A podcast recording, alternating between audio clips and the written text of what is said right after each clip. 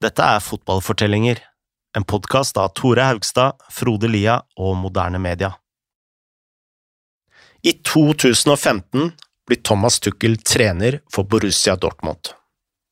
Laget som har kollapset under Jørgen Klopp, blir snart Tysklands mest underholdende og kreative mannskap. Men bak kulissene skaffer Tuchel seg mektige uvenner, både på tribunen, i stallen og blant sine egne sjefer. Og akkurat idet fremtiden hans står på spill, blir laget rammet av et terrorangrep.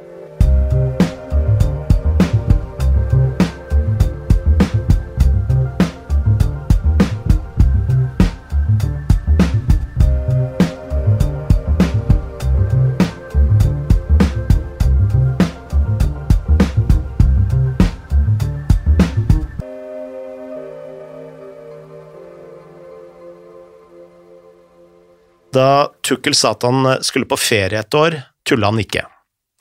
Han visste at Pep Guardiola hadde tatt et års pause etter å ha forlatt Barcelona, og beundra hvordan han hadde dratt til New York uten å ha en ny jobb klar.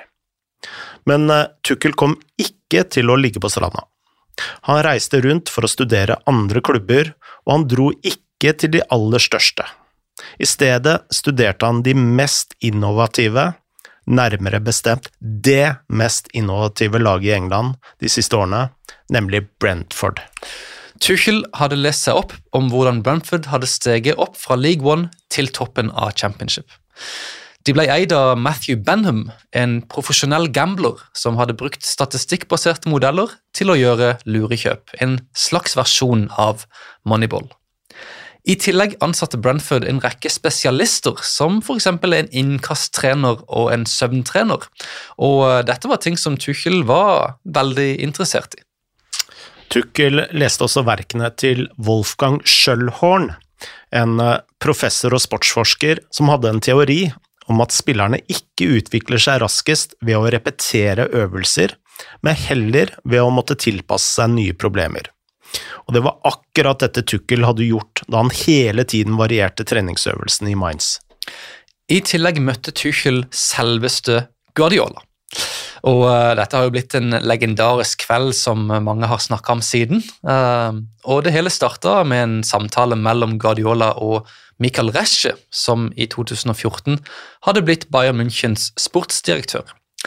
En dag spurte Guardiola Resche spørsmålet hvem er den mest interessante tyske treneren akkurat nå? Resche hadde svart det er Thomas Tuchel, og Guardiola han hadde svart nettopp. Og så begynte Guardiola å snakke veldig engasjert om hvordan Bayern hadde møtt Mainz sesongen før, og hvordan Mainz faktisk hadde turt å angripe Bayern. Uh, Guardiola var egentlig sjokkert over at et lag hadde møtt Bayern uten frykt og liksom uten å parkere bussen. og var mektig imponert ikke bare over resultatene Tuchel hadde oppnådd, men også den måten han hadde fått et så lite lag til å spille så offensiv fotball. Da Reischke en dag sa at han skulle møte Tuchel for et par øl, ville Guardiola bli med. Han eh, kansellerte til og med et par eh, avtaler for å treffe Tuchel.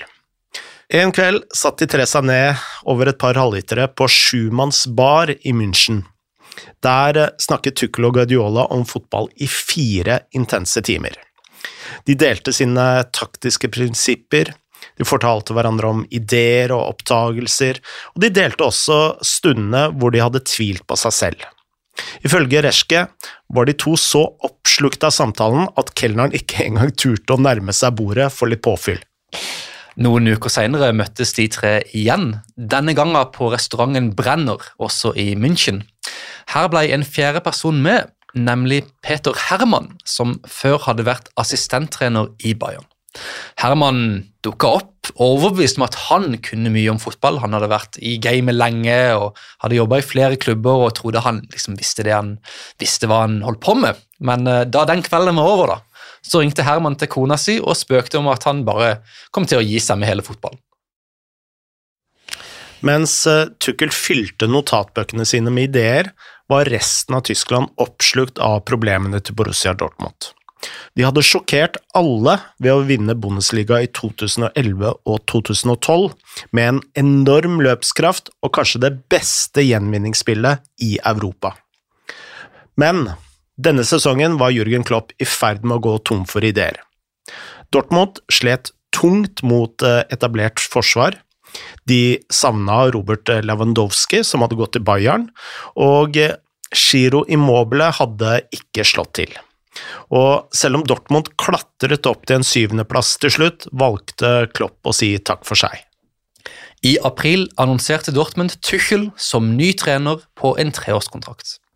Tuchel sa at han var overlykkelig over å få denne sjansen, og eh, selvfølgelig så visste han jo at han ikke kom til å matche denne karismaen til Klopp og dette emosjonelle båndet som Klopp hadde bygga opp, ikke bare til fansen og spillerne og den berømte gule veggen på Vestfalen stadion, men også til hele byen. Um, Dortmund er jo fra Vestfalia-regionen, som er et industriområde vest i Tyskland, som har veldig mye til felles med Liverpool, og i det at det er et arbeiderklassestrøk hvor klubben betyr veldig mye. Til sammenlignet med Klopp så var jo Tuchel en mye kaldere og mer distansert type, men som taktiker og som trener så hadde han eh, noen eh, triks på lur som Klopp ikke hadde. Tuchel ba f.eks. spillerne om å kutte ned på hvetemel og sukker, noe som gjorde at flere av dem gikk mange kilo ned i vekt. Han eh, ga også ut bøker eh, til noen av eh, spillerne med klassikeren The Inner Game of Tennis fra 70-tallet, som har hjulpet en rekke tennisspillere på amatør- og proffnivå. Henrik Mektarian sa at det var som boken hadde blitt skrevet spesifikt for ham. Denne boka handler om at alle utøvere presterer best når kroppen er på autopilot. Eh, jeg er sikker på at mange som driver med idrett, har opplevd de dagene hvor de bare er helt ustoppelige og hvor alt går på skinner. Denne boka forklarer at denne tilstanden oppstår når du klarer å stilne denne indre stemmen du har i hodet, som stadig kommenterer det du gjør. I tennis kan du f.eks. misse et enkelt slag, og så kritiserer, kritiserer du deg sjøl på banen. Og kunsten her er liksom å ikke ha noen slags dialog oppi hodet, men heller å la kroppen jobbe uforstyrra og lære ting av seg sjøl. Dette har ført til et uttrykk i tennis som heter at man ikke må prøve for hardt, og at man liksom hele tida må være løs og ledig og avslappa og ikke tenke for mye. Og dette var da prinsipper som Tuchel følte kunne bli overført til fotball. For oss eh, nordmenn så har disse prinsippene mye til felles med den såkalte flytsonemodellen som Nils Arne Eggen og Kjell Skauen Andresen eh, ble så kjente for. Det høres veldig veldig likt ut som det Tuchel snakker om akkurat her. På markedet hentet eh, Dortmund Julian Weigel, en ung ballfordeler, samt keeperen Roman Burki og midtbanespilleren Gonzalo Castro. Tukkel eh, lånte også Giro Immobile ut til eh, Sevilla, og gamblet på at eh, Pierre-Emerick Aubameyang kom til å banke inn målene. Da sesongen starta, kom Dortmund ut i en slags 4-1-4-1-formasjon. Auba var alene på topp, Weigel hadde Busquet-rollen dypt på midten, og de fire sentralt var Mkhitarian, Marco Raus, Shinji Kagawa og Ilkay Gundogan. Og når du legger til en yngre Mats Hummels bak der og trofaste Lukas Piszek på høyreback, så har du jo et utrolig morsomt lag, og det var jo ikke rart at dette ble eh, favoritten til mange hipstere rundt i Europa på den tida. Blant annet meg. Men eh, Dortmund gikk nesten på en eh, gedigen smell i starten. I fjerde kvalikrunde i Europaligaen møtte de Dag Eilif Fagermos Odd på Skagerrak Arena. Og der satt eh, både jeg og Eivind, eh, ringside som det heter på engelsk. Eivind Biskår Sunde. Riktig. Og altså, etter 22 minutter så så jeg og Eivind på hverandre og lurte på hva i alle dager skjer her. For uh, Dortmund lå faktisk under 3-0 etter uh, 22 minutter spilte minutter. Eh, og det var et mål fra Jone Samuelsen, Fredrik Nordkvelde og Espen Ruud.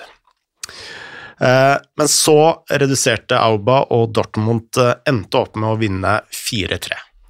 Da de to lagene møttes igjen i Tyskland, tok Odd på ny ledelsen via Ole Jørgen Halvorsen. Men igjen så var jo dette litt som å vekke en, en sovende bjørn. Uh, for uh, det vekka egentlig altså Det satt Dortmund skikkelig i gang. og De gullkledde endte opp med å vinne den kampen 7-2 og gå videre 11-5 sammenlagt. Med andre ord ble Dortmund fort et åpent og underholdende lag. I ligaen vant de sine fem første kamper. La oss høre fra Eivind om hvordan Tukkel endret Dortmunds stil hele tida under Jørgen Klopp så syns jeg at de sleit mot etablert forsvar. Altså Hvis et lag la seg lavt, så var det vanskelig for Dortmund å, å spille ut et lag. Eh, og Det syns jeg nesten endra seg over natta. Men jeg tror at da hadde de en mye bedre plan hva de skulle gjøre hvis de møtte det. I Tyskland, så, eller i Bundesliga så føler jeg det sånn at ingen lag nesten eh, legger seg lavt utenom mot uh, Bayern München. Da har du liksom lov til å legge deg lavt. ikke sant? Spiller du mot Bayern München, hjemme eller borte, så er det sånn ja, hvis vi får ett poeng, så er det greit. og Da har du lov til å legge deg lavt. Mens nest, eller mot alle andre klubber så er liksom mitt inntrykk at tyske klubber tenker sånn hm, vi må spille vårt eget spill. Det er vår beste sjanse til å vinne. Og det var kjempebra for Jørgen Klopp, fordi eh, da kunne jo han spille sin fotball, og da gikk det som regel greit hver gang fordi at hans lag var, var, bedre, og den fotballen han sto for. Men etter hvert, på slutten av Klopp-perioden, så, så, var mitt inntrykk at da hadde de fått så mye respekt at det var flere lag som kom til eh, Vestfallen og la seg bakpå og gjorde det vanskelig, og da sleit han. Og så var det masse tilfeldigheter i den siste sesongen til Klopp som gjorde at de da endte opp med altså jul lå sist på tabellen i Bundesliga. Det er helt utrolig å tenke på. Eh, et lag som hadde vært i Champions League-finalen få år tidligere og ja, vinne ligaen og sånne ting. Eh, men når da Torkel kom inn, så var det sånn at kom, uansett hvem som kom på besøk der, så hadde han en mye bedre plan, syns jeg. Sånn som eh, Pep Guardiola alltid har, og hadde når han var i Bayern München. Det hadde ikke noe å si. De begynte å skåre mål etter 70-80-90 minutter hvis de måtte. ikke sant? For de bare spilte ut lag. Og det kunne Dortmund òg, syns jeg, til tider under uh, Tuchel. Og Tuchel minner nok mer om Pep, da.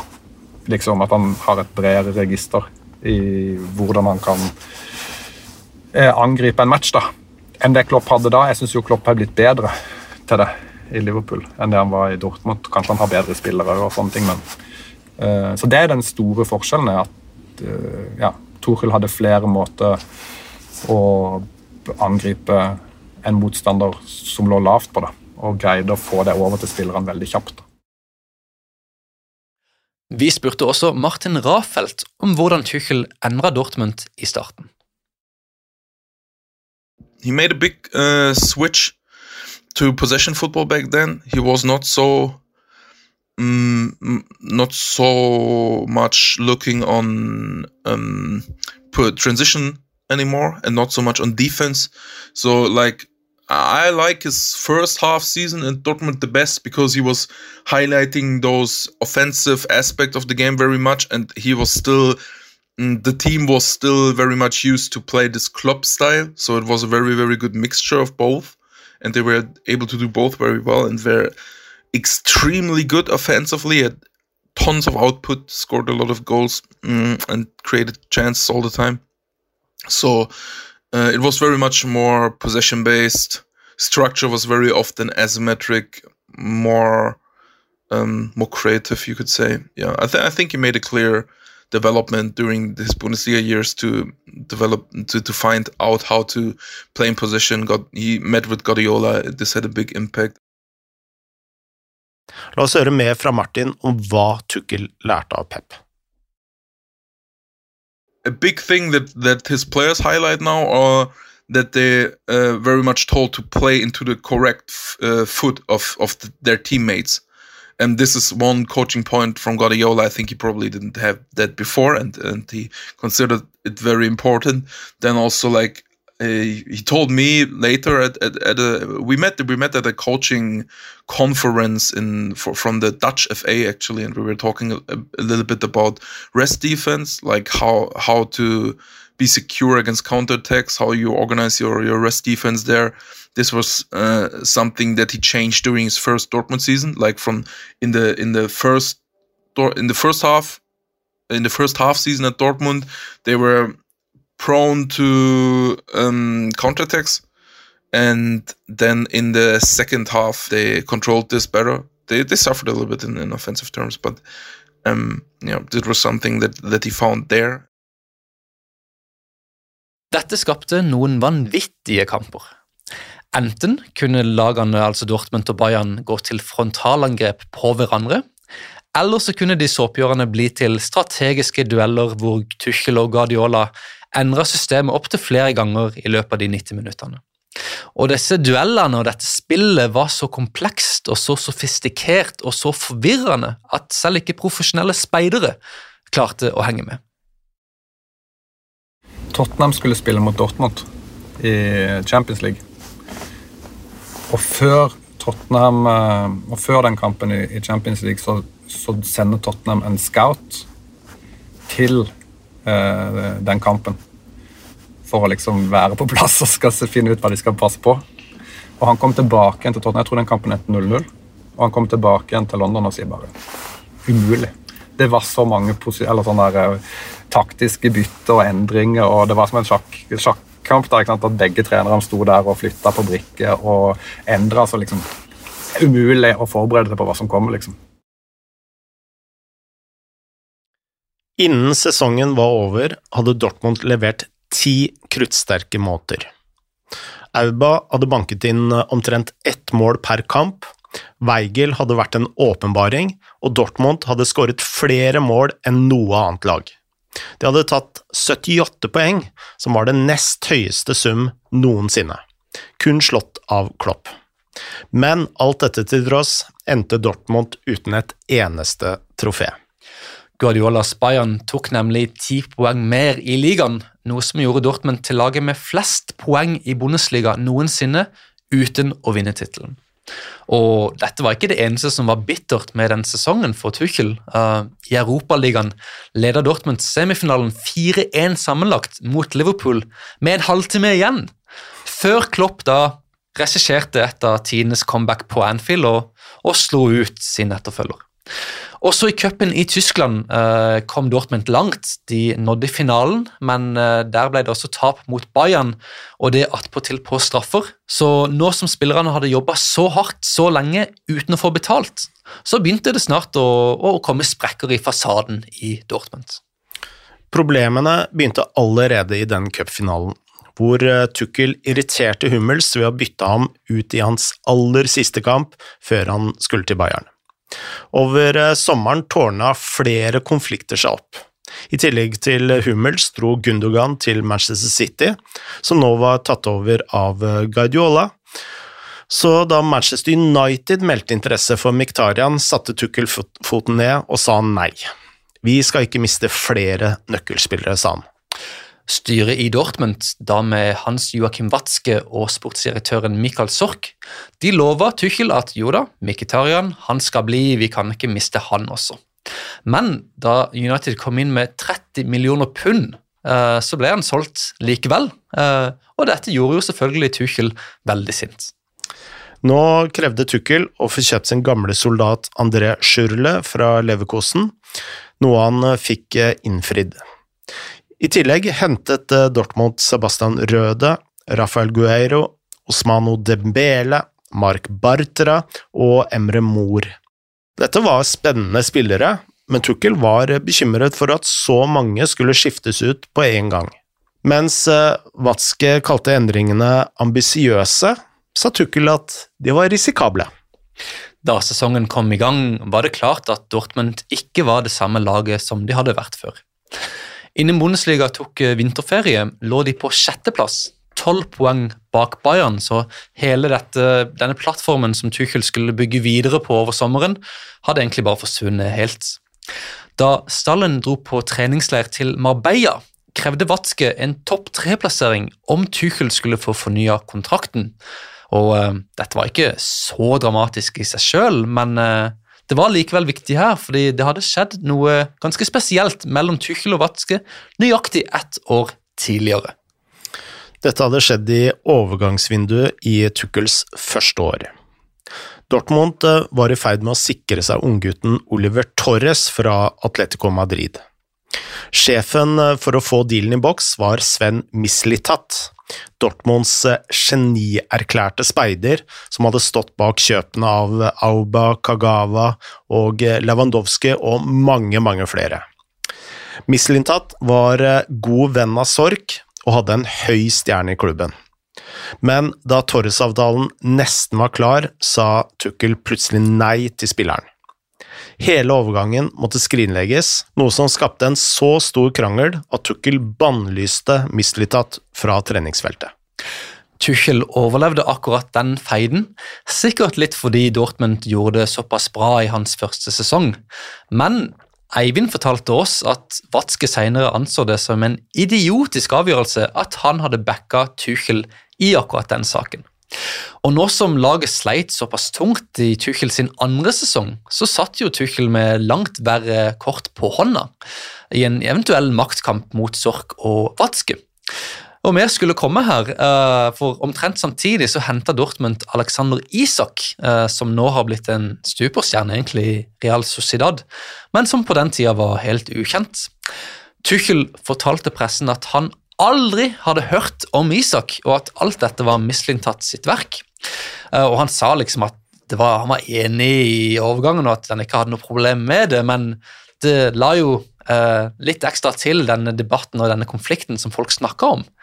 Omtrent på samme tid publiserte også den tyske tabloidavisen Bilt en forside eh, hvor det sto 'maktkamp' i store bokstaver mellom Tuchel på den ene sida og Watzke og Sork på den andre. Så uh, alle kunne jo se da at det var stridigheter her, og hele dette imaget så ikke særlig bra ut for Tuchel. Om eh, Tuchel var i ferd med å miste støtten hos sjefen, var det samme sant om eh, fansen.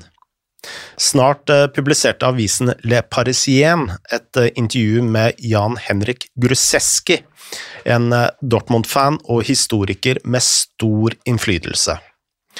Han sa at eh, da Tukkel hadde blitt ansatt, hadde han blitt tilbudt en bok han hadde skrevet om Vestfallen stadion, og en eh, film om klubben, slik at Tukkel kunne lære mer om Dortmunds historie. Men Tukkel hadde takket nei. Han eh, sa at han ikke var interessert i historien eller den gule veggen, og at han kun brydde seg om det som skjedde på banen. Da Dortmund feiret 50-årsdag, dukket heller ikke Tukkel opp. Og i en så stolt og tradisjonsrik klubb gikk dette rett på rullebladet til Tukkel. Alt dette betydde at Tuchel mangla den støtten han trengte når ting eventuelt gikk imot, eh, og det gjorde de så absolutt på den tida, og verre skulle det bli utover våren.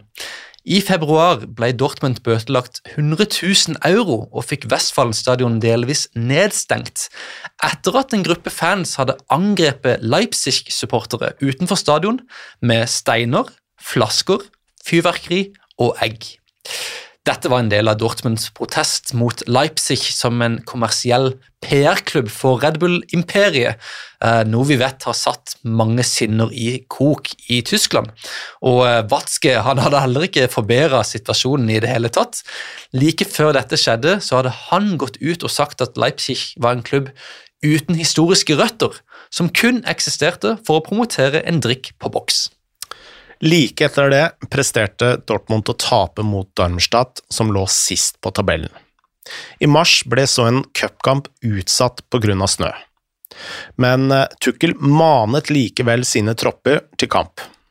Dortmund eh, klatret opp på tredjeplass, kom seg videre i cupen og slo ut Benfica i Champions League.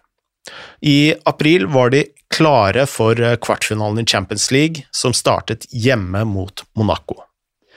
Som vanlig var spillerne samla på et hotell i byen før kampen. Da de var på vei til stadion, gikk det av tre bomber like ved spillerbussen. Dette er rapporten fra nyhetsnettverket RT. Three explosions hit a bus carrying the Borussia Dortmund football team to a Champions League match earlier. One player was injured and is being treated for a fractured arm. Police say it was a targeted attack on the team using serious explosives. It's currently unclear who was responsible. Here's Peter Oliver with more details three explosions that were um, on the road, set to go off as the bus went round a corner uh, where it would have been slowing down. Um, police confirming that there were three devices. What we know so far is that the, the game has been suspended for this evening. There's no way that's going to take place. The stadium, as it stands at the moment, the Westfalen Stadium, where the uh, the team bus was headed, hasn't been evacuated completely. Uh, we have seen some heartwarming scenes from there of Monaco fans who are trapped in the stadium, being held in the stadium by security forces. They're now looking into just who was behind this. Be looking for more information as it comes out. Thankfully, it does seem nobody seriously injured. The only person requiring medical treatment was Mark Bartra, the uh, Spanish international defender for Borussia Dortmund, who was taken to hospital um, he, from injuries suffered to his arm from broken glass as these explosives went off on the rear right hand side of the team bus. Seinere kom det frem hvem som hadde stått bak angrepet. En mann ved navn Sergej Venogold hadde prøvd å drepe Dortmunds lag etter å ha satsa på at klubbens aksjer kom til å falle. Det er et eh, mirakel at eh, ingen liv gikk tapt den kvelden. Tukkel selv var så sjokkert at han knapt klarte å forstå hva som hadde skjedd. Han gikk hjem, satte seg ned foran TV-en og så en fotballkamp, mens kona hans holdt på å miste hodet. Så sent som i 2021 sa Tukkel at han kunne se for seg skadene på bussen, prosjektiler som fløy 50 meter gjennom luften og inn i vinduene på andre hus. Han forsto fortsatt ikke hvor farlig situasjonen hadde vært.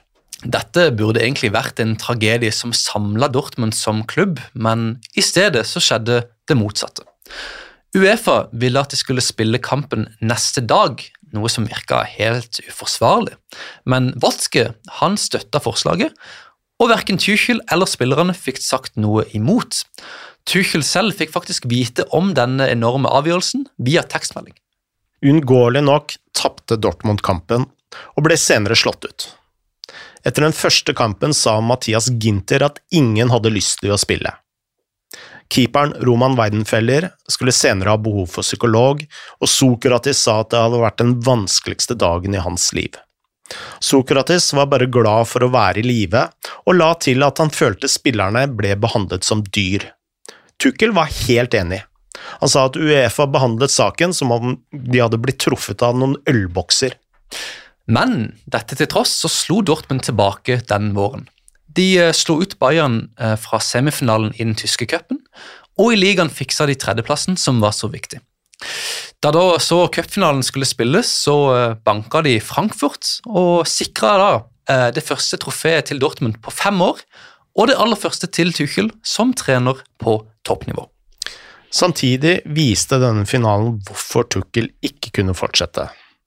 Av en eller annen grunn hadde han vraket Nuri Sain fra troppen, selv om førstevalget dypt på midtbanen, altså Weigel, var skada.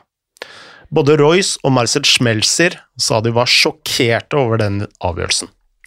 Heller ikke forholdet mellom Tuchel og Watzke hadde blitt noe særlig bedre. Watzke sa at han var utslitt over å måtte håndtere Tuchel, og eh, spikeren i kista hadde kommet da Tuchel hadde skrevet en tekstmelding til sin agent hvor han skjelte ut Sork, for så å sende denne meldinga feilaktig til Sork.